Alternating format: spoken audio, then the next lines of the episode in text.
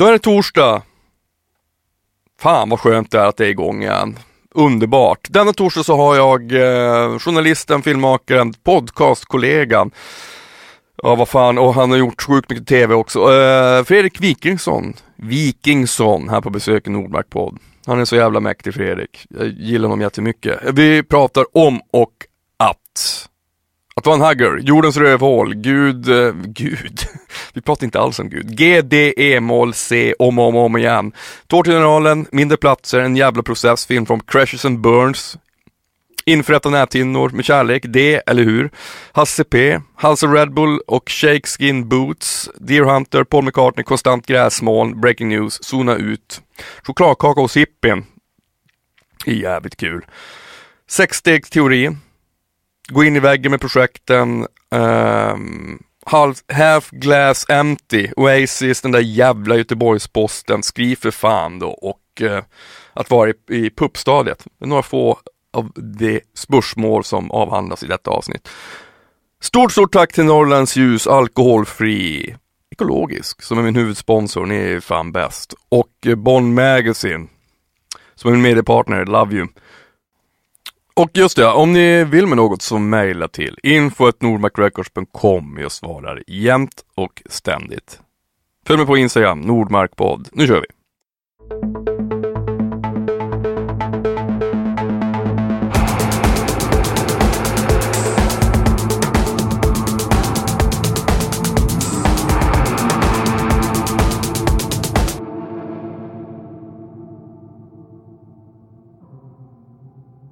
Du Fredrik Wikingsson, Ja. välkommen till Nordmark podd. Och vi rullar redan. Jajamän, vi Mäktigt. kör. Jag hoppas att ljudet eh, känns okej, att jag har den rätt inställd. Det där känns jättebra tror jag. Ja. Men du, jag brukar alltid fråga mina gäster om jag får börja med att ge dem en kram. Du har redan fått det, men du får en till. Ja okej, mysigt.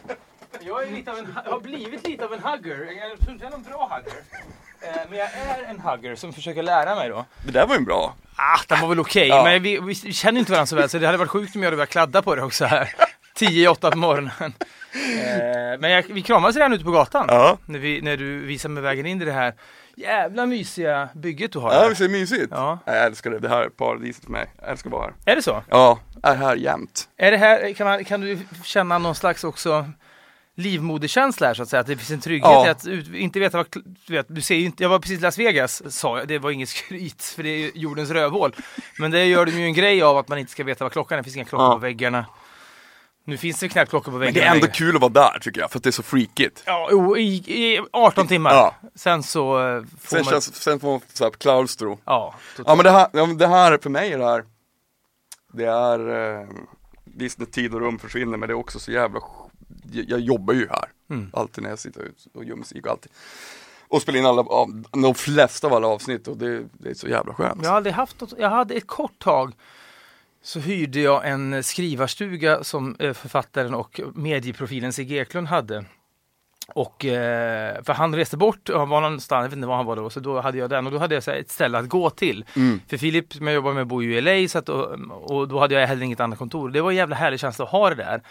Sen hade inte jag skitmycket att göra där så jag kanske bara hade det någon, en, två månader. Men just tanken på att ha eget ställe och liksom och sluta, sig, att sluta om sig är tilltalande tycker Ja jag. men det är grymt. Ja. Men om de sitter och spelar, du, håller, du, gillar, du gillar ju, du spelar ju också en massa musik så ofta du kan. Jag vet, det hade varit något, det hade varit något jävla medelålderskrisigt om jag hade skaffat ett sånt här ställe, hängt upp massa ljusslingor och suttit och spelat liksom dyr akustisk gitarr på dagarna. Vad har hänt med Fredrik? Ja, men han har hyrt ett litet bergsrum någonstans där han sitter och spelar gitarr, sina Han är vanliga helt försvunnen, han har ingen täckning eller någonting, det är så helt spelar kört. han G, D, E-moll, C om och om igen. Du får komma hit och låna en någon gång. Ja, eller du får komma och hälsa på och dricka kaffe, jag är ju här jämt. Ja, det är bara dyka upp. Du, Tårtgeneralen. Mm. Grattis till en väldigt fin film. Den är ju fantastisk. Och som sagt, ni har haft visning i USA med den också. Precis. Ja, precis. Vi hade en visning i Los Angeles. Det är, det är, ro, det är en rolig aspekt av det, att man, att man kan, vi har varit på Seattle filmfestival, vi har varit i Bel Hamburg var det och vi har varit i Spanien och sånt där. Och jag har inte varit med på alla de där resorna. Och det har man fått höra nu att en del filmare när man hör, jaha varför har han eller hon inte gjort någon film på fyra år? Nej men de har åkt runt på festivaler bara, för det är ganska trivsamt. Man blir hämtad på flyget, någon liten skylt eh, och sen så blir man upplockad av någon jävla alert 19-åring liksom intern som eh, säkert behand- den typen av människor har säkert behandlats som svin genom alla år. Eh, och sen kanske det har rätt upp sig lite grann senaste tiden möjligen. Men, men, och sen så visas filmen och så får man massa ryggdunkningar och så vi, om man väljer att tro på det som sägs där, då Ja. är ju det en otrolig bekräftelsedusch liksom. Ja. Men om man tänker, ja vad ska de säga? Det är klart de applåderar och begriper de verkligen, tycker de verkligen att det här är så bra? Om man är lite ifrågasättande då blir det ju lite mer... Ja, Då blir det så här, nej men ni, alltså det här är inget bra. Nej, Man inte gud. fattat det, det är, Nej. inte, det är inte så bra. Nej, men nej, och jag menar, vår film är också väldigt, väldigt svensk. Det är massa svenska referenser till så här, Hasse Tellemar på 80-talet, Ring så spelar vi. Och Om man inte vet vad det är, då betyder det något annat liksom. Mm. Och vissa av låtarna som ligger där kanske betyder mer för svenskar och sådär. Så att ehm, det, det, är- det, är- det är kul att göra det, men nästa gång vi gör någonting har vi sagt att då, man, det går ju att tänka Mm. lite mer internationellt bara för att den aspekten av det är lite kul också. Mm. Men känner ni, för det tycker jag var väldigt fint med filmen, alltså såklart att det finns den här, äh, jag, jag, jag är ingen nostalgisk person eh, över, överlag. Mm. Men när jag såg den så fick jag liksom, blev jag helt översköljd av, av nostalgi. Mm. Ja. Alltså vet du, allt ifrån, jag menar, allt ifrån färgsättningen till till, till hur hela filmen artar sig och hur, och som sagt musiken och allt sådär. Men också en slags nostalgi till förhållandet hur det är att växa upp i en liten ort. Mm. Jag är uppväxt i Piteå. Ja. Du är väl från Sundsvall eller? Uppväxt? Ja, jag ska egentligen säga att jag är uppvuxen i en, en eh, vi flyttar runt skitmycket, du vet Ånge, Ljungaverk, Otterbäcken, Juniskär, det är massa små, jag, jag kommer från ännu mindre platser än Köping, där Filip är ifrån, så det, är, det är riktig visch alltså. Eh, och där hade jag det skitbra, eh, till och från, men, men eh, det som har varit glädjande även då när man är, är ute och flänger i världen är ju liksom att ja, men jag har växt upp i en liten spansk småstad eller i en, liksom en rumänsk småstad. Vi hade den där typen av karaktärer också. Mm. Eh, och det tycker jag ju är kul. Att den aspekten av filmen då som försöker belysa liksom vad ska man säga, vegetationen i någon slags småstad, att det, det känns ganska universellt. Mm. Ja, verkligen. Men varför tror du att det är så att det är liksom mycket mer, alltså såklart är det mycket mer påtagligt att, att se de här udda karaktärerna i ett mindre samhälle än i en storstad. Ja. Men, men, eh, men, eh, ja, vart fan vill jag komma med det? Nej men det, det, det i sig är ju, är ju så jäkla intressant. Mm. Men tror du att det finns en så här eh, Eftersom att ni kommer från då små städer själv, att, ni, att det kanske inte hade varit så om ni hade varit uppväxta här i Stockholm. Nej men det pratar vi mycket om. Att, att om man ska göra en, en, en film, det är en jävla process alltså. Eh, och det älskar filmfolk att tjata om. Vi har slitit med det här så länge nu. Ja, det har alla slitit med allt hela tiden. Men det är bara liksom film och mediamänniskor som pratar om att det här har varit en lång process. Det är det för de flesta. Livet är tufft liksom. Det är mycket jobb bara. Men, men det, det tar många år och det är jävla massa slit med det. Och man kan ju lägga det, den tiden på annat ju. Vi har ju valt tv att sköta och poddande och sådär liksom. Men det här försökte vi klämma in. Men då sa vi det att även om det här går åt pipan och liksom if it crashes and burns så har vi åtminstone försökt göra en film som, som vi bottnar, som, där vi har grävt, där vi stått liksom. Eh, ska vi göra en enda film då ska vi göra en sån här sorts film om en, liksom en udda antihjälte på något sätt. Som, som jag och Filip alltid har fascinerats av. Folk som faller ur ramen, framförallt i små städer. Och vi kommer från det där. Så att det kändes som en väldigt så här jag tror man, det är nog bra om man ska göra en film. Alltså, så här, ska man göra sin första film ska man nog fan bottna i. In, och sen kan man ge sig in i liksom thrillerland och sånt där. Det är, vilket ofta är ett misstag i och för sig, men, men eh, det tror Men varför är det så att udda karaktärer är ju, jag menar hellre vara en karaktär än ingen karaktär. Ja, men det det, är är ju alltid det mest intressanta, som, det är de, de som får jorden att snurra, även om det är freaks. Ja. ja, men jag tror att det är, jag och Filip pratade mycket om det där, att vi, vi var ganska bleka själva när vi växte upp och blev så, eh, vad ska man säga, tacksamma slash liksom storökt fascinerade av de här människorna som, som liksom poppade och som gjorde de dumma, dåraktiga grejerna så att vi slapp. Liksom. Vi, vi, vi, vi, men vi stod lite bredvid och tittade på. Vi kände inte varandra när vi var små, men vi var nog lika, likadana. Jag minns när, när Andreas Stadin hette han, gick i min klass eh, i högstadiet. Han bar med sig sin cykel upp i fjärde våningen på skoltaket och kastade ner den på marken. Fjär, fyra våningar. Det är inte jättespektakulärt. Folk har säkert gjort värre saker. Det, men det var ju långt före Jackass och så. Och det var så här, jag stod och sa, det här är inte klokt, nu ska han kasta ner den, nu får jag stå och titta på det här. Och nu faller den, nu faller den, nu kraschar den, nu går den aldrig mer att använda, nu är det över. Det tog det var fyra sekunder. Och sen gick han vidare, han, det är inte säkert hans minns det där ens, men för mig var, är det liksom infrätt på, min, på mina liksom, näthinnor om saker och ting kan vara infrätta där. Men jag, så jag tror att vi känner liksom en tacksamhet och det, det som är skönt för oss är att, det tycks som att folk många åtminstone som har sett det vi gör förstår att, det, att vi behandlar de här med kärlek. Det är det vi Mm. gör. Att, att det inte är bara så här, haha vilka dårar. För det, hade, det är det många andra som har gjort. Jag tycker inte vi gör det riktigt. Nej, det, verkligen inte. Men så, det tycker jag har gått genom all, allt ni har gjort. Alltså det, kän, det finns ingen penalism mot de här Nej, det udda karaktärerna. Nej, man vet ju aldrig folk, man, man kan aldrig styra, när man väl kastar ut någonting så vet man Mm. aldrig hur folk tolkar det. Eh, men det känns som att många har fattat vad, vi, vad vår avsikt är åtminstone. Mm. Men sen tänker jag på, på när, alltså jag menar, när, när fick ni idén att ni skulle göra film av boken? Ja, men vi skrev en bok om det här för vi fascinerades tid, mång, massa, massa, massa år sedan av bara faktumet att Köping, Filip har pratat mycket om det, han är från Köping och vilken smäll det blev för Köping att bli utsedd till Sveriges tråkigaste stad i TV.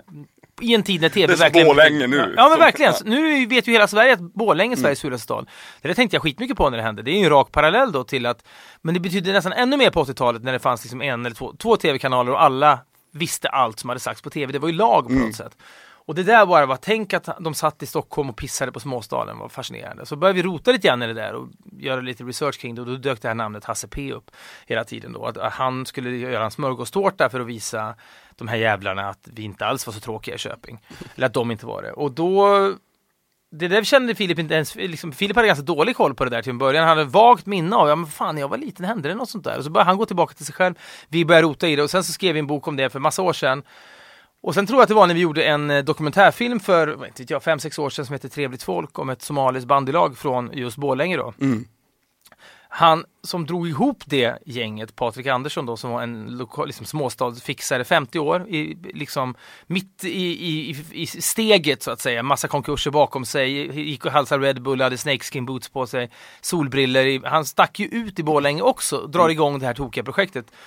Det påminde oss så jävla mycket om Hasse P, också 50 typ, eh, också liksom en, en, en stark karaktär i en liten småstad som folk har massa åsikter om. Och då kände vi ändå, fan det där kanske vi ska gå, den historien kanske vi inte är riktigt färdiga med. Liksom. Så, att, så att egentligen var det trevligt folk och bandyupplevelsen som fick oss att börja prata om den där karaktären igen. Mm.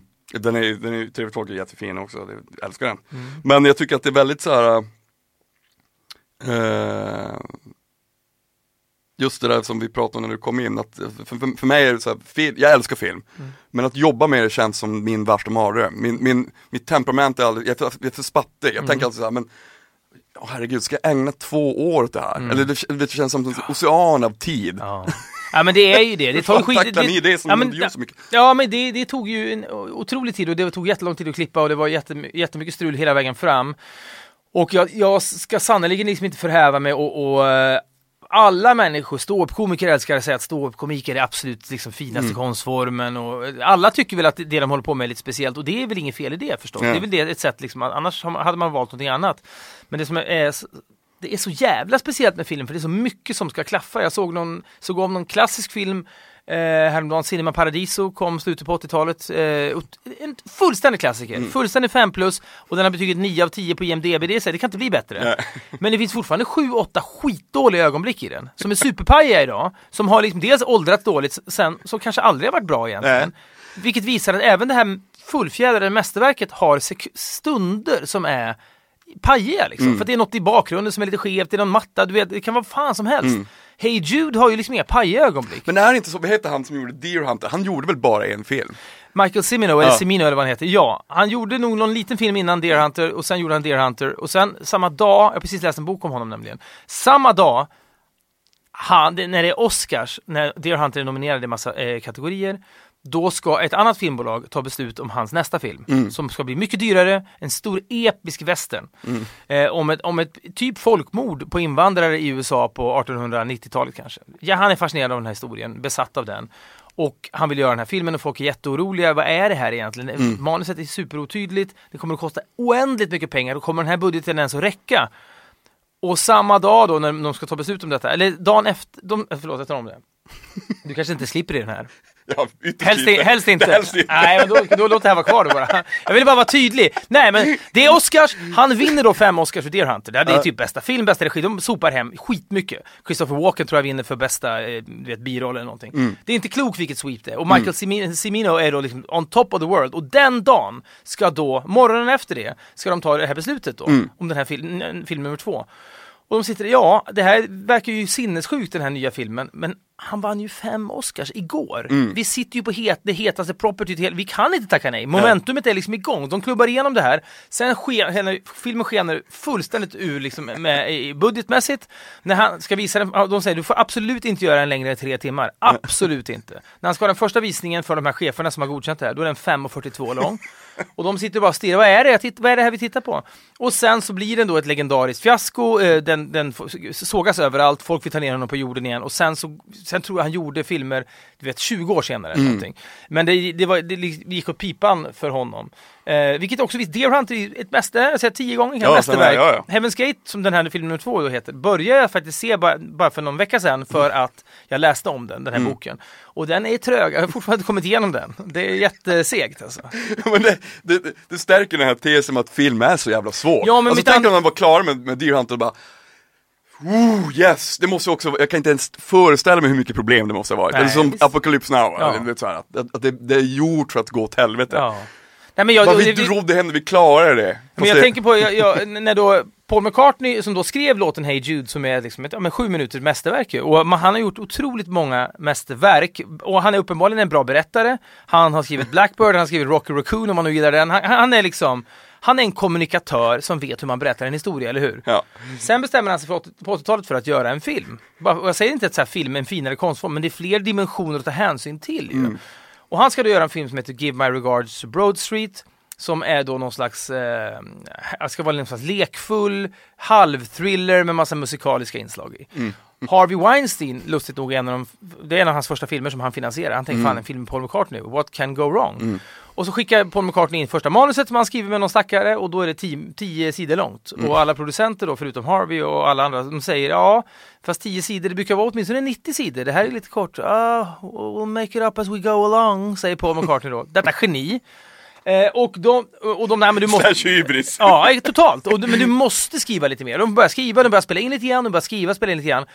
Och filmen handlar då om att någon jävel snor lite mastertaper eller vad det heter från, någon, från Paul McCartneys studio. Så att när dagen, det utspelar sig under en dag när Paul McCartney måste hitta sina tejper. Vad har hänt med min musik som jag har spelat in?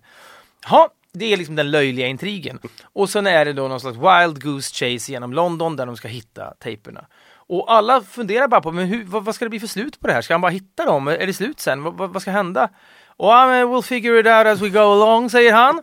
Eh, genom ett förmodligen konstant gräsmoln. Liksom. Sen då är det dags för premiär. Och alla som är någon i London 1985 eller 84 är där förstås. Och alla är nyfikna på. Många har känt till processen, här, de vet vad det handlar om, men hur ska filmen sluta? Hur har han löst det här? Filmen börjar rulla, den är dålig, det förstår folk direkt. Men okej, vi får väl se, det kanske, finns, det kanske finns en poäng med det på slutet ändå. Som kanske ändå gör att det här inte är genant att vi sitter i det här rummet tillsammans och kastar bort en kväll på det sättet. I, i, i, liksom, i, i samma rum som Paul McCartney som har gjort det här. För ingen vill ju omvärdera sin syn på honom heller. Man tänker Nej. det är ett geni, nu måste han, jag hoppas han är det här också. Och sen är, närmar sig filmen sitt slut och intrigen är inte på väg att ta, ta, ta vägen någonstans egentligen. Och då, pang! Spoiler alert i den mån någon nu ska se den här jävla filmen. Plötsligt sitter Paul McCartney i en taxi, blinkar till och så säger han Oh, it was just a dream. Och så är det slut. Och det blir helt tyst. Det är inte ens ett nödslut. Det är inte ens ett nödslut. Folk sitter då chockade i biosalongen. Chockade och tänker så här. Va? Du vet, och stämning, jag, jag, vet, jag hade betalat mycket för att vara i det rummet. För så hur fan snacket gick, liksom, när folk gick fram till honom. Ja, Såg ni det där? ja, det men- var det sjukaste. Ja, men så gick de säkert fram till Paul och sa “Great film Paul!” För det säger folk på premiär, det är det värsta med premiärer också. Sådär. Och det måste du vara med på spelningen, fan vad bra det var! Ja, ja, men jag blir råförbannad ibland när folk bara, fan det var svinbra, man bara, det var ju helt värdelöst. Ja, På riktigt, det var inte bra. Nej, och men det, bästa, det värsta man kan höra är ju liksom när folk kommer fram och säger “Vad modiga ni är!” Nu har ni gjort det! Ja, eller, eller, det där gick ju bra. Ja, verkligen. Ja men det gick ju bra. Det där gick Det ju gick bra. jättebra. Ja. Vad menar du? Ja, Vadå bra? gick- ja, Din jävla idiot. Ja, det är hemskt alltså. Men man får skylla sig själv. Vänta nu, vänta nu, vad är det mer? Varför är du så fruktansvärt deppig? Sluta hata kul. Lighten up, ta en Norrlands ljus, ekologisk, alkoholfri så kör vi, okej? Okej. Ja, men. Åh. Ja, så ska det se ut. Ja, nu kör vi! Ja, ja, ja. Norrlands ljus är det bästa som finns, dricker helst den varje dag. Norrlands ljus är det bästa som finns, alkoholfri och ekologisk. Det här är så fruktansvärt bra. Vi tar en till och sen säger vi så, okej? Okej. Fantastiskt. Men jag tänkte också på när ni under den här, den här processen med Tårtgeneralen, jag menar ni, som, ni jobbar ju så tajt hela tiden. Mm. Fanns det någon, också regidebut på ett sätt, jag menar visst ni, ni gjort så mycket tv och sånt så ni, ni har väl kunskap om, om det ändå, men hur kändes det att gå in i den rollen? Att göra Ja, men det var, det, visst, vi har gjort en del och, och med, vi var med och i någon mån regisserar man ju dokumentärfilm också. Mm. Eh, och där hade vi även Karin och Klimpe och Anders Helgesson med oss. Vi var ju liksom ett litet gäng där. Men det är klart att det var helt nytt och det var jävligt, eh, man blir ju spak på första inspelningsdagen, det snackar alla om. Även rutinerade filmare står Mm. och är lite nervösa liksom. Och vi var ju helt, alltså man står omgiven av människor, några har varit Oscars-nominerade för du vet bästa Mm. smink och mask och sånt där. Några, ljussättaren, han som sätter ljus, han hade precis jobbat med Ruben Östlunds The Square och Lars von Trier och era film. Och så står han med oss i Köping. Så man kände liksom att man det var mycket att tänka på för man, dels har man ju då en, man måste ju försöka fokusera på att man har en, okej nu är det den här lilla scenen, allt annat måste man stänga ute. Nu Ja. gäller det, vad ska den här scenen, var kommer man ifrån, vad ska hända sen, hur berättar man den här? Samtidigt, ja, nu gäller det också kanske att man framstår som lite auktoritär och att folk, det verkar som att man vet vad man håller på med. Ja. Så man blir ju självmedveten på ett jävla sätt så att de här ruttade filmproffsen inte bara ska känna, vad är detta? Jag var ju livrädd för att man skulle liksom sitta på toa någonstans på något, du vet, och så hör man folk stå och snacka utanför som inte vet att man är där. Vad håller de på med? De vet, de vet ju ingenting. Blev det någon gång så att du bara textade Filip bara, du, kan du ta den här? Ja men, jag pallar fan ja, inte. ja, men vi, vi hade någon slags arbetsuppdelning då, jag fick ganska mycket sköta så vet, så här, teknik och man pratade om liksom så här, kamerainställningar och ljus och hur man ser det framför sig. Och Filip hade, som har lite mer då, i teorin, human touch, eh, fick sköta mycket Persbrandt och så. Då kunde de sitta och prata om bipolaritet och missbruk och så. Men hur kändes det sen när det var klart? Fick ni någon sån här po- post depression? Alltså, vet, sån Ja, totalt. Det, det får man ju ändå. Ja, vi hade, vet, då är vi mitt i en breaking news-säsong när Ja. där hade premiär. Så det var ju bara samma dag, dagen efter vi hade premiär så satt man ju i breaking news-studion. det bara Ja. "Åh, okej, Ja, det var bara att veckla ut sig. Ja, men faktiskt. Och sen så höll vi på, du vet, och så åkte vi runt i landet och hade lite så här visningar och så. Så det var jävla, det blev ett ganska stort race. Men ja, det är klart. Nej, det, fan, det blev ingen post depression ändå. Ja.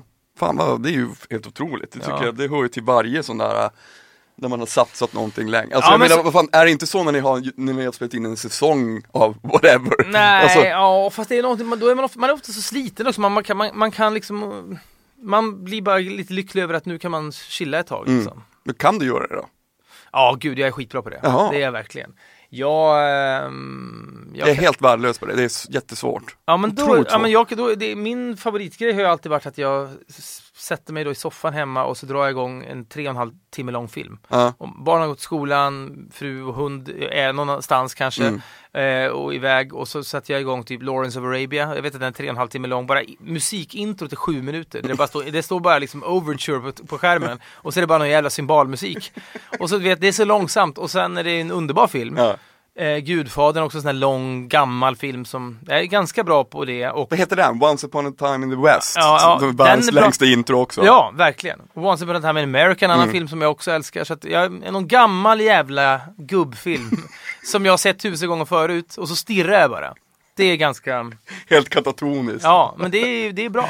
Men jag tänkte också på... Men jag tror att det på riktigt är en, en viktig grej att hitta de där, de där sätten att liksom komma ner i varv. På, på ett, att inte behöva säga jag måste åka till Australien i två Mm. veckor för då är det så här, det hinner man inte, det har Nej. inte alla råd med. Men att ha de här sätten som det kostar ingenting att sätta igång den gamla DVD-spelaren och DVDn på Lawrence of Arabia. Det är bara, den bara finns där.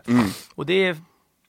det Mm. Men har du, alltid, efter. har du alltid kunnat göra det? Jag menar, jag menar, det finns perioder när man jobbar konstant. Mm. Alltså man bara, oj, men nu har jag faktiskt, jag har inte varit ledig en dag på ett år. Mm. Eh, visst, alltså, såklart några timmar sådär. Men att, att vara ledig under en längre tid, att liksom gå ner i varv. Ja. Det, Ja men det har jag nog, eh, jag har blivit bättre på det för att det har varit de senaste åren. För oss är det liksom, när vi gör Breaking News som är vår talkshow eller vad fan man kallar det för och som går fyra kvällar i veckan. Det gjorde vi när det drog igång, kanske vi gjorde fyra veckor, så var det paus ett år, så gjorde vi fem veckor, så var det paus typ 18 månader. Och då var, tyckte man att det var mycket och sen har det blivit mer och mer av det för kanal 5, så jag kan inte göra mer och ja det är ju kul. Fan. Så, så senaste två åren har vi ju kanske snittat på 32 veckor per år. Och det är så det är ändå ganska, eh, och Filip pendlar och dessutom fram och tillbaka till LA så han är en helt annan, det är en helt annan bok liksom. eh, men då tror jag han är ganska bra på att använda flygresorna till att zona ut liksom. Han har väl bemästrat det. Men eh, så jag upplever ett större behov nu av att ha de där and, hå- andningshålen. Och jag har blivit också fan bättre på att bejaka dem tror jag. Mm. Men vad heter det, jag menar när, när, ni, när, ni, när ni lärde känna varandra, du flyttade till Stockholm typ 96 eller något, det var samma år som jag flyttade. Tror du att det finns en sån här, äh, eller drivkraft, jag undrar om du har det här, någon slags tävlingsmentalitet som man kanske får när man flyttar från en bruksort? Ja, det tror jag. Det kan finnas det, definitivt. Jag, jag, jag tror att man det är inte säkert att det är en tävlingsinstinkt, det kanske det är. Revansch. Ja, men, ja, lite revansch kanske, men det är väl också det att man känner så här, man tar mindre för givet, man tänker så här Helvete, nu gäller det att kämpa för här har jag, hör jag ju inte, det här är ju inte till för mig. Nej. Jag minns i Stockholm första liksom, veckorna och, och åren, månader, åren att så här, får jag ens vara här? Jag, Nu- jag misstrivdes jättemycket. Ja. Men jag hamnade annars in i Märsta i ett, ett, ett, ett och ett halvt år. Jag trodde att det var Stockholm. Ja, jag fattar. vad fan, ja, men Märsta, det är väl Stockholm? Ja, det är väl typ Stockholm. Ja. Jo, men, och, och det är det väl typ. Men, men, jag, ja, men jag minns mer snarare så här att jag hamnade i andra hand med massa polare och hade råd att bo in i stan och, och bara så här, oh, nu går jag in på krogen Tranan. Den läste jag ju om när jag bodde på Vischan. Mm. När kommer de att komma fram och kasta ut mig härifrån? För jag har inte, får inte vara här. Här finns ju de coola människorna. Jag tror att det är, det är någon slags underdog-perspektiv. Ja. Att man aldrig riktigt ser sig som Eh, att, det där är, att det är till för en själv och det kanske får en att slita på extra för att överleverera. Eller man försöker åtminstone. Mm. Men sen så träffades ni, ni, du och Filip, ni träffades på, ni fick jobb på Aftonbladet va? Ja, Ja. exakt. Jag hade börjat det före honom och sen så började han efter mig så hade vi någon, någon sommar typ bara när vi jobbade samtidigt parallellt och sen så var jag tvungen att sluta och han fortsatte så att, eh, och så började jag tjata på honom att han borde bli frilans och så började vi skriva lite texter ihop och sådär. Och, eh, och det var väldigt kul att jobba tillsammans med någon och när vi skrev de här texterna ihop så du vet vi åkte och vi intervjuade Jonas Åkerlund i LA minns jag och skrev det för tidningen Café. Vi skrev mycket för Café då. Man fick skriva långa texter om, om roliga ämnen. Vi var uppe på i Åre med något, det, var något som heter Åre Gay Days där de hyrde liksom om det var RFSL eller vad kan det ha varit som hyrde då ett jävla tåg som åkte upp fullt med bögar, flator och allt möjligt då, eller i LBTQ liksom. Det hette ju verkligen inte LBTQ då, vad, vad vi visste om. Det kanske det hette men det var ingen som snackade om. Och så åkte vi upp med det där tåget till Åre och det var fest så in i helvete och skitkul vi skrev en artikel om det och just när vi skrev de där texterna så började vi tänka på att det, kan, det där hade ju blivit ännu bättre i tv egentligen. För att det var så spektakulära figurer och det är svårt att göra dem rättvisa i text om man inte är jättebegåvad. Liksom. Så att, Ja, så det var så det började? Alltså Ja, men- själva fröet för, på ett sätt var det nog så tror jag. Har, det, det är åtminstone den historien vi har skapat i våra egna huvuden. Och den, ja, men jag tror att det var så lite grann. och, och, då, och det blev då Ursäkta röran? Eller? Ja fast det, ursäkta röran har ju liksom ingenting med det att göra egentligen. Det var något annat, det var någon slags brutal hum- reality-humor. Men däremot ett program som heter High Chaparral som vi gjorde sen, när vi åkte runt och träffade, liksom, och dels åkte vi på någon nakenkonvent, någon maskingevärskonvent. Det var sånt vi lika gärna hade kunnat göra i text ju. Som, som då kändes kul att testa på att göra. Var, men var det High Chaparral, var, var det då när du blev itutad den här Magic Cake? Ja, det var senare faktiskt. Det var, det var senare, men det var, det var några år sedan bara. Det var, jag var egentligen Alltså det, gammal. jag har sett det hur många gånger som helst, Ja, men det, det- är så fruktansvärt jävla kul, och ångest! Ja men det där, ja det, det som hände var att Filip eh, då, vi skulle vara på något silent retreat där man, vi ville testa på det. Var, vi åkte runt och gjorde mycket uppe i norra Kalifornien och sen så hade vi varit hos en hippie innan, den så kallade Double Rainbow-mannen då som hade sett, som blev viral när han såg två regnbågar och stod och skrek om det och på Youtube och så fick han hur många views som helst och det är också skitkul. Vi var och hälsade på honom och då fick han, Filip då några sådana här haschkakor av honom. Eller vad fan det nu är, hasch eller vad det nu är i. Liksom, THC på något sätt. Starkt som satan. Och sen när vi skulle in på silent retreatet så säger Filip till mig, jag är helt ovetande om det här då. Så säger han då, vill du inte, ska, ska vi ha i oss lite socker kanske, vi får upp lite energi? Ja visst, så trycker jag i mig den och så säger jag, har du något mer? Nej men mer ska du nog inte ha nu. För att det där var ju faktiskt eh, hippie-mannens då, Ray, Double Rainbow-mannens kakor. Så nu om 30 minuter så kommer vi vara stenhöga bara två. Och det går ju inte att stoppa den processen då. Så att, på så sätt tycker jag nog ändå att det där är ganska lyckat, även om det var liksom, det är förmodligen olagligt det han gjorde. Men som TV är det ganska lyckat just det där att det är en tickande klocka. När slår det till? Alla som har varit fulla eller höga vet ju hur jobbigt det är att behöva dölja det och att då är det lätt att få fnissattacker. Och, så det, det är ganska relaterbart på ett bisarrt sätt. Det är fruktansvärt kul. Men har ni haft, någon, har ni haft någon, någon gång när ni tänkt så här, fan det här, ja men ni har gjort så fruktansvärt mycket TV. Nu, det här är för jobbigt. Mm. Nu, jag menar det finns ju också, det är samma sak som att vara på turné, det finns ju fantastiska turnéer, det finns också turnéer när man bara fan vill hem. Ja. Ja, alltså på, ja och nej, alltså det, vi gjorde ett program för några år sedan som hette Jorden runt på sex steg när man, man åkte då, man, man släpps av någonstans på någon avlägsen plats och så ska man bara ta en, första, en random första person. Och enligt oss, teorin om six degrees of separation så hänger alla människor ihop via sex kompissteg. En kompis till en kompis till en kompis till en kompis. Sex steg så är man bara sex steg från vem som helst. Barack Obama, Trump, vad fan som helst. Och då ska vi testa den teorin och från den här liksom, helt okända personen i Mongoliet ska vi ta oss till, låt säga, liksom, eh, Michael Bolton på sex steg. Och då reste man ju jävligt mycket och då, då, du vet, då var det någon gång vi kanske gjorde 14 f- flygresor på 10 dagar kanske. Man sover nästan bara på plan för att det- man, annars hinner man inte. Ja. Då blir man så jävla sliten så att det knappt går att prata om. Man dricker typ man, man är helt fuckad tidsmässigt. Så det, det är helt naturligt att dricka två, tre öl till frukost typ. För man är också liksom lite så här, har lite hemlängtan och ångest.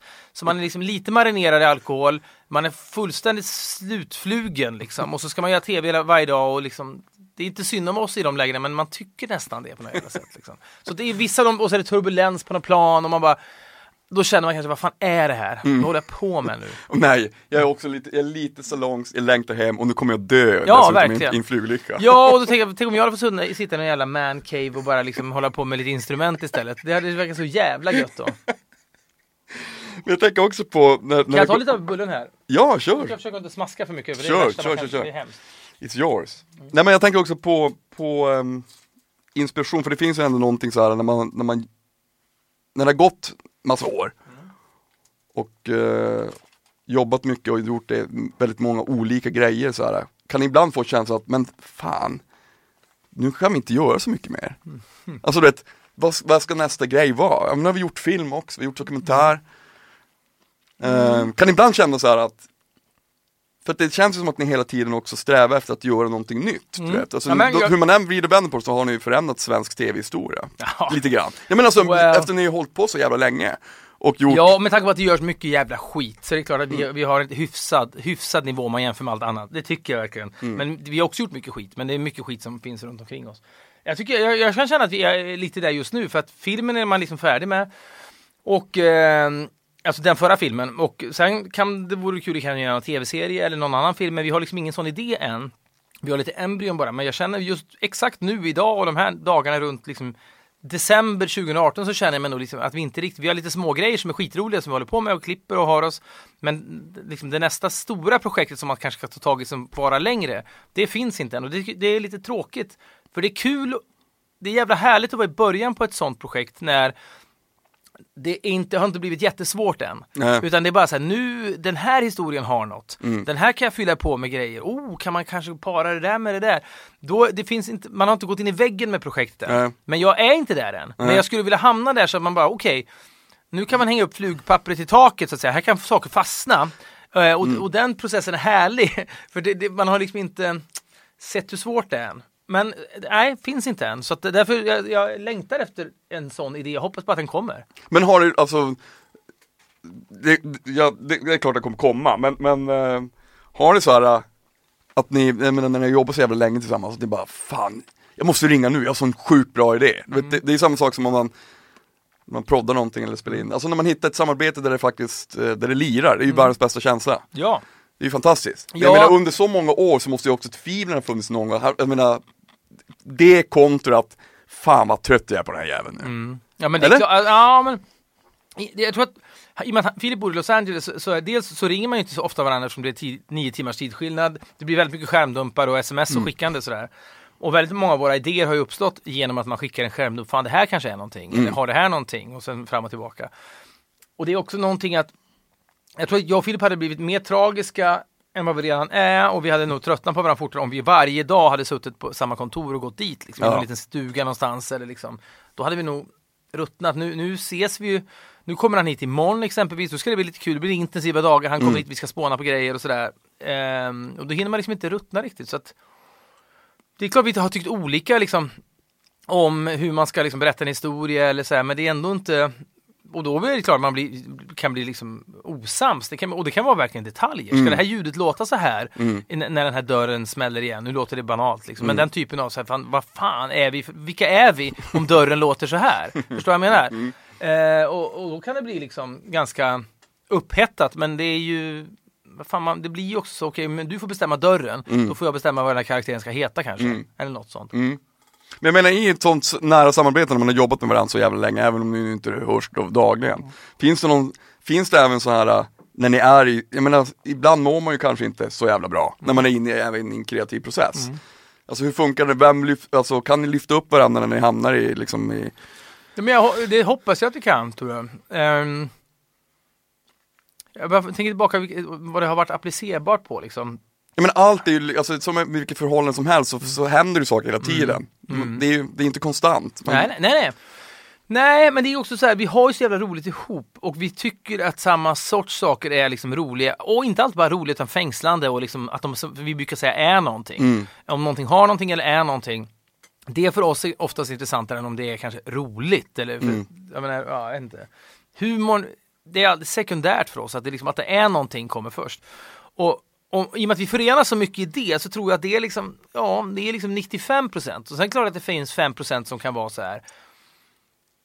Han blir frustrerad på mig förmodligen för att jag är tjatig och liksom eh, ligger på om någonting som han bara inte orkar ta tag i. Och I min värld är det skitbråttom med det. Och det förstår jag att han kan vad fan, varför i helvete är det så jävla bråttom med det här nu? Det är ju inte det. Och i min värld är det skitbråttom. eh, och, jag kan bli frustrerad om, mot honom såklart över att han försover sig i någon tv-sändning och sånt där. Liksom. Och samtidigt, det gör mig inte så jävla mycket. Jag kan väl sitta där själv då. Ehm, men, men, och det är också en klichébild att, det är liksom han, är- att han är slarvig, för det finns ju massa dimensioner av honom som en, en superdoer. Bara att han liksom har pendlat fram och tillbaka 30 veckor mellan Stockholm och LA och gjort breaking news och inte missat en sändning. Det är ju, hade man varit en fullständig slacker så hade man inte klarat av det. Nej. Nej, så jag vet inte om det är ett svar på frågan men så har han stoppat in en jävla god saffranbulle i munnen. Det är En, marsipan saffrans, en saffransknut. Ja, men lite marsipan tror jag. Ja, jo, Fan, det är det. Mandelmassa tror jag. Det här med, med vad som komma skall, vad- hur, jag menar ni måste ju ha hamnat i, i, i, i svackor förr när när ni inte vet vad man ska göra. Ja, men alltså att folk säger, ah Filip och Fredrik, de, de är så jävla stora, det går ju alltid skitbra, men det går ju aldrig skitbra för någon hela tiden. Nej, nej. Klart fan man hamnar i svackor, så här, hur, Ja, ja men... du vet att man får den här känslan att bara, fan nu har det gått så jävla bra, it can only go down. Ja, men ja, fast jag tror aldrig, jag har, jag har aldrig, och det kanske är otacksamhet, och, och det, men jag har liksom aldrig vi är tillräckligt liksom självspäkande och, och um, vad folk än tror. Ehm, vi är alldeles för självspäkande för att säga helvete vilken rull vi har nu, vilket jävla flow, vilket flyt. För man, man, man har en tendens på att fokusera på jag menar, om, om filmen får liksom ett skithärligt mottagande, jättemånga har sett den och den får fina recensioner överallt. Ja, det blir ändå en skitrecension i Göteborgs-Posten. Som då är jävla lätt att fokusera på det och hata Göteborgs-Posten. Och sen inte lyckas göra sig av med sin prenumeration på Göteborgs-Posten. Det liksom så... Man har ändå betalat för, Ja. för att se den där jävla Ja, och- dåliga recensionen. Ja, och sen försöker man säga upp det så går det inte. Så får man massa mail från Göteborgs-Posten. När man väl lyckas säga upp Göteborgs-Posten så mejlar de, ska du inte börja prenumerera? Nej, det tror jag inte. Nu har jag bränt en krona för att läsa Göteborgs-Posten. Nej, men så att vi har, vi har nog en tendens att på ett sätt är man ju en, en glass half full människa för att man ändå gör grejer och man, Ja. här, det, även om det kan vara liksom något nytt och lite utmanande så testar man det. Men vi är nog också glass half empty på så sätt att vi har en tendens att fokusera på, på liksom irritationsmoment och sånt som som får en, okej då- det här gick inte hela vägen fram, men nästa gång kanske, då jävlar. Och det kanske är också ett driv, någon slags driv liksom. Att, tror- men var, varför är det så att vissa saker når en? Mm. Och vet, så här, peta på en så här. Det handlar ju bara tror jag om att man känner sig missförstådd.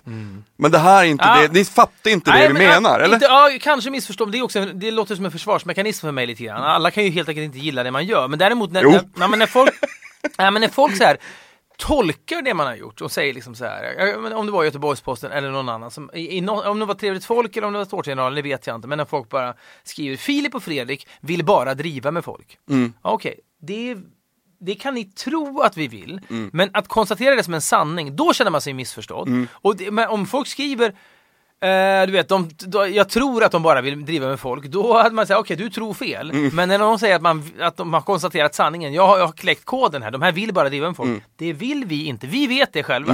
Då kan man känna sig missförstådd möjligen. Men om någon säger så här, filmen var seg och inte så rolig, nej okej. Det, känner man sig då missförstådd, då, är man ju, då får man ju söka hjälp. Jag menar, det är så här, folk tycker ju olika, så må, det måste man ju leva med. Ja, jo, jo. Sen kan man tycka att folk är idioter och sådär, och det gör man väl ibland. Men jag menar, jag, jag kommer ihåg, jag var, på, jag var på turné n- nyligt med Christian Kjellvander och så var, fick, vi fick svinbra kritik för livespelningarna, förutom i en tidning, jag vet inte om det var Borås eller något sånt där. Han bara, men och han pratade liksom aldrig, har ingen mellansnack, vi kör bara på. Som, han bara, men vad fan, om jag inte vill säga något, hur kan man missförstå hela grejen? Det, alltså hela, hela konceptet är ju det som är på scenen. Ja. Hur kan man inte fatta det?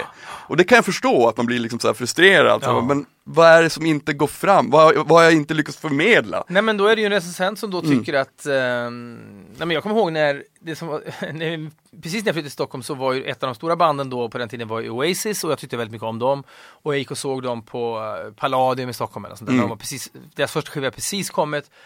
Och då var det ju då, sättet sångaren Liam Gallagher betedde sig på scenen var ju en vattendelare för folk. Eh, Och han stod liksom helt stilla och bara stirrade framåt och sjöng. Och en del tyckte ju att han borde dansa och han borde liksom visa att han gillar musiken genom att vicka på höfterna typ. Medan andra var mer så här golvade av det, för det känns Ja. så, fy fan. Sen hade säkert Ian Brown i Stone Roses gjort det lite grann före honom, men Liam stod ju ännu mer stilla. Och en del recensenter minns jag, de kom aldrig runt det. De, de sa, det blir en tvåa, han stod för stilla på scenen. Medan man själv, du, det är ju det som är grejen! Ja, du så, nej, men det, så att, och det är väl samma sak, Christian Kjellmander Kjellmander vill ju inte snacka på scenen. Nej. Då tänker folk, den recensenten i Borås eller vad fan det var, tänker ja, men en entertainer måste kunna dra lite stories. Det gjorde Berghagen när han var förra året, det har, det har folk alltid kunnat. Det väntar jag mig av en föreställning. Skönt snack mellan, eller hur? Och då, då, jag, då, då, då skulle jag också bli vansinnig om jag Ja. vore honom. Men man måste ju kunna gå vidare också. Ja, ja, verkligen, verkligen. Men är det där någonting som, ni, som du har märkt att du har blivit bättre på? Jag menar, jag, jag, alltså ibland så kan jag tänka så här, men vad fan skitsamma, en dålig recension hit eller dit. Men jag läser dem, jag har faktiskt, det, folk tror aldrig på en när man säger att man inte läser rec- recensioner, men för mig började det där när vi gjorde någon, apropå turné, vi gjorde någon live-turné, vi åkte runt i konserthus och gjorde en föreställning då som, som eh, hette Jakten på den försvunna staden som handlar om stan man var i. Om man var i Borlänge så handlar det om Borlänge, nu var vi i och för sig inte där, men om man var i Grängesberg då så handlar det om Grängesberg och Umeå så handlar det om Umeå. Och så vidare. Så det var, väl, det var skitkul men det var också liksom helt nerve-wracking när man skulle göra det första gången. För man var så, om vi blir sågade nu på premiären då är det skitsegt att åka runt i Sverige med en 1 plus föreställning ju. Ja, såklart. Och då när vi kommer ner på hotellfrukosten första morgonen så, så sitter liksom teamet där och jublar och det är fyra i båda kvällstidningar för hennes första show. Ja okej, och de trycker upp det i ansiktet. Men jag, jag vill inte ens läsa, det är för, det är för skört, jag vill inte ens läsa det där. Det, var, men det, är ju- det, är- ju bra recension. Jo men om jag läser den så måste jag nog fan läsa dåliga recensioner. Jag, det, efter, jag har liksom inte läst en recension. Inte läst en re- recension av Trevligt Folk, inte läst en recension av Tårtgeneralen. Det når mig ändå, för Filip läser ju allt. Och han är liksom, "Åh, de där jävla Göteborgsposten. Okej, då vet jag att Göteborgsposten, du vet. Så att när jag betalar en spänn för att gå in och läsa, eh, då var det förmodligen någon annan recension jag ville gå in och läsa. Förmodligen någon sågning av någon jag liksom eh, avskyr. Snarare än det. Så att för mig, däremot i och med att det når mig så kan jag bli irriterad ändå. Men jag vill inte sätta mig där och liksom se det. Nej, Jag vill inte utsätta mig för det. Liksom. nej. Men det är svårt det där, för ibland tänker man så här, men alltså skitsamma kontra att det ändå som sagt når en. Man blir ändå sårad. Ja. Om någon liksom pissar Ja, på det blir, ja, men framförallt, ja exakt, man blir väl det. Men man, jag, jag kan ju också känna så här, vad fan, ingenting av det jag och Filip har gjort är ju ofelbart. Och om vissa tänker så här, jag hade trott att den här filmen skulle vara mer fartfylld, eh, roligare, eh, mer satir, vad fan som helst. Ja, dina förväntningar kan ju inte jag rå på. Nej. Och jag, men jag fattar, jag känner ju likadant själv. Mm. Jaha, jag trodde att det här skulle vara mer så här. Och så blir man lite halvbesviken, så att det är inte konstigt liksom. Jag, jag har jävligt svårt att bli förbannad på så här, recensenter för att det handlar ju så mycket om vilka de är. Mm. Förutom just då när de säger så här, nej men Filip och Fredrik vill bara pissa på folk. Mm. Det här är skrivet ironiskt. De, egentligen så gillar de inte småstäder. Nej. Det vet du fan ingenting om liksom. Så det, det är mer det liksom. Men är Filip är så här, men fan gör en egen film då för helvete. Ja, han, är, men han kan bli mycket mer om du vet, om träffar jag den där jäveln på stan då ska jag gå fram och ta mig ett snack. Vet, jag inte, jag är liksom, han blir nog lite mer uppeldad tror jag. Ja. Fast jag kan också bli jävligt irriterad, så är det ju. Så är det, men det hör också den, en kreatörs, man, man, Men- man, man, ja. man får köpa det helt enkelt. Men jag vet ju också, alltså så här, det, det, jobbar man med någonting i två år och sen tar det liksom en 20 minuter att skriva en recension. Mm. Som bara är lite, så här, lite, lite syrlig och liksom lite så här avfärdande. Mm. Det, det är klart att man, eh, fan vad, vilket jävla pissjobb du har, du sitter bara och tycker. Ja. Så jag har ju också tyckt en massa och folk tycker säkert att jag och Filip är tyckare. Mm. Men, men folk som bara liksom, det, vi gör också grejer som andra får bedöma. Mm. Att vara en recensent som bara gör det, liksom, det verkar fan liksom. Ja, Jag du lyssnade ett, jag lyssnade på ett sommarprat med Johan Kroneman. Det är en st- liksom recensent då, stor recensent och han pratar liksom i sitt sommarprat om att ja, men jag funderar på att det vore kul att skriva en bok någon gång som kanske är i huvudet på John McEnroe. Liksom. Den är 60 sidor lång, Mm. den boken. Skriv det då! Vad väntar du på? Fan du är väl 60, det är väl bara att skriva för fan. Så Du är få- 60, skriv 60 sidor. Ja men så kan du för fan bli bedömd själv också Ja. Istället för att bara sitta där och liksom bara liksom knäppa med fingrarna. Jag vet inte. I agree. Du, 2019, då är det ganska öppet. Du vet inte riktigt, eller har ni, har ni Nej, men- agenda, agendan klar för 2019? Ja, men vi gör ganska mycket nu. Eh, det vi ska fundera på är, vad, vad ska bli, det vore kul att göra någon, någon film eller något så här drama av något slag.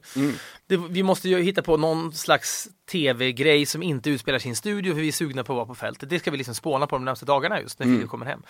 Men så gör vi jävligt mycket på Dplay som är då kanal 5s liksom, tidigare ganska usla streamingtjänst men som nu har blivit mycket, mycket bättre. Där vi har en flik som heter Filip och Fredrik presenterar där vi har köpt in de svinbra dokumentärfilmer. Precis idag läste jag, nu fick jag ett mess om, så är det en film som heter Kurt and Courtney som har lagts upp som handlar liksom om mordet på Kurt Cobain. Det är en fantastisk film som jag liksom, den köpte på VHS 95 96 när den kom. Nu har vi fått möjlighet att köpa in de bästa dokumentärerna i världen och vi snackar lite grann före filmerna.